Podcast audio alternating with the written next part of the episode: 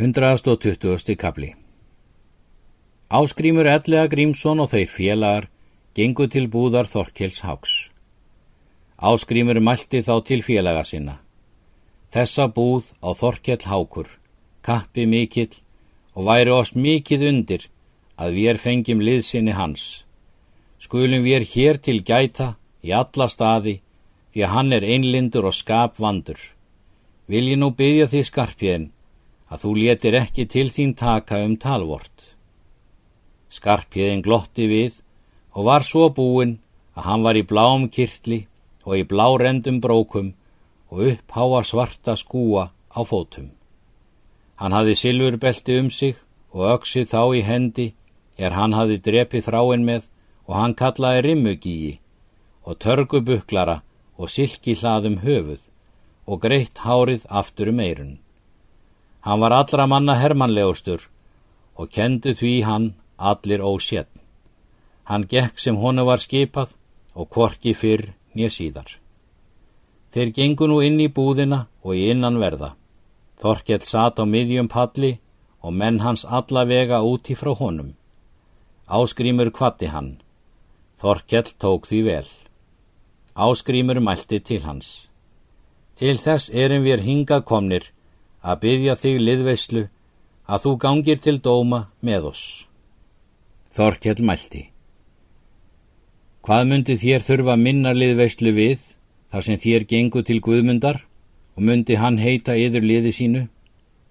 Ekki fengum við hans liðsinni, segir áskrimur. Þorkjell mælti.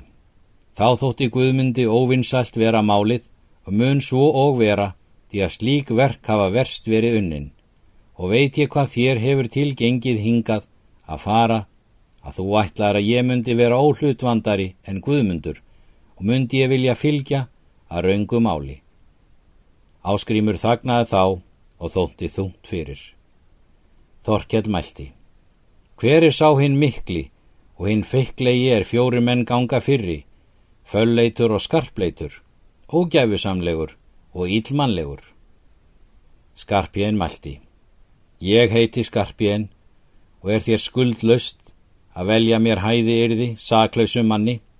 Hefur mig aldrei það hent að ég hafi kúað föður minn og barist við hann sem þú gerðir við þinn föður.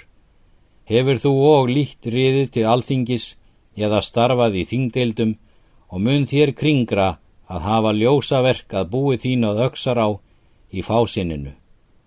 Er þér og næra stanga úr tönnum þér raskarnar endan merarinnar, er þú ást áður en þú riðir til þings, og sá smalamaður þinn og undraðist hann er þú gerðir slíka fúlmennsku.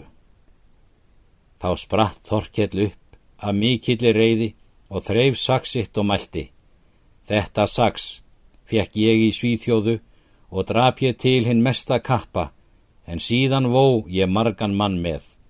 Og þegar er ég næ til þín, skal ég reka það í gegnu þig og skalt þú það hafa fyrir fáriðið þín. Skarpjén stóð með reyta öksuna og glotti við og meldi. Þessa öksi hafði ég í hendi, þá er ég hljópt tólf álna yfir markarfljót og vó ég þráinn Sifússon og stóðu þeir átta fyrir og fekk engi þeirra fang á mér. Hefi ég og aldrei svo reitt vopnað manni að eigi hafi við komið. Síðan hratt hann þeim frá bræðrum sínum og kára mági sínum og óð fram að þorkalli. Skarpjén mælti þá, ger þú nú annarkvort þorkjell hákur, að þú slíðra saksið og sest niður eða ég keiri öksun í höfu þér og klýf þig í herðar niður. Þorkjell slíðraði saksið og sest niður þegar og hafði kvorki orðið á fyrir honum áður nýja síðan. Þeir áskrimur gengu þá út. Skarpjén mælti.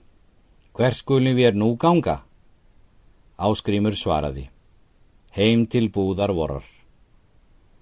Þá förum við bónleðir til búðar, segir Skarpjén. Áskrimur snýrist við honum á mælti. Markstaðar hefur þú heldur verið orðkvass, en hér er þorkjell átti hlut að. Þykir mér þú það eitt hafa á hann lægið er maklegt er.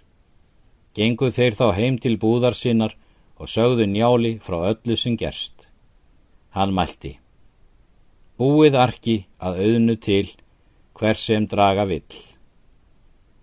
Guðmundur hinn ríki spurði nú hversu farið hafði með þeim skarpiðinu og þorkalli og mælti svo. Kunnugt mun yður vera hversu farið hefur með oss ljósvetningum og hef ég aldrei farið jafn mikla skömm nýja sneipu fyrir þeim sem nú fór þorkett fyrir skarpiðni og er þetta all vel orðið.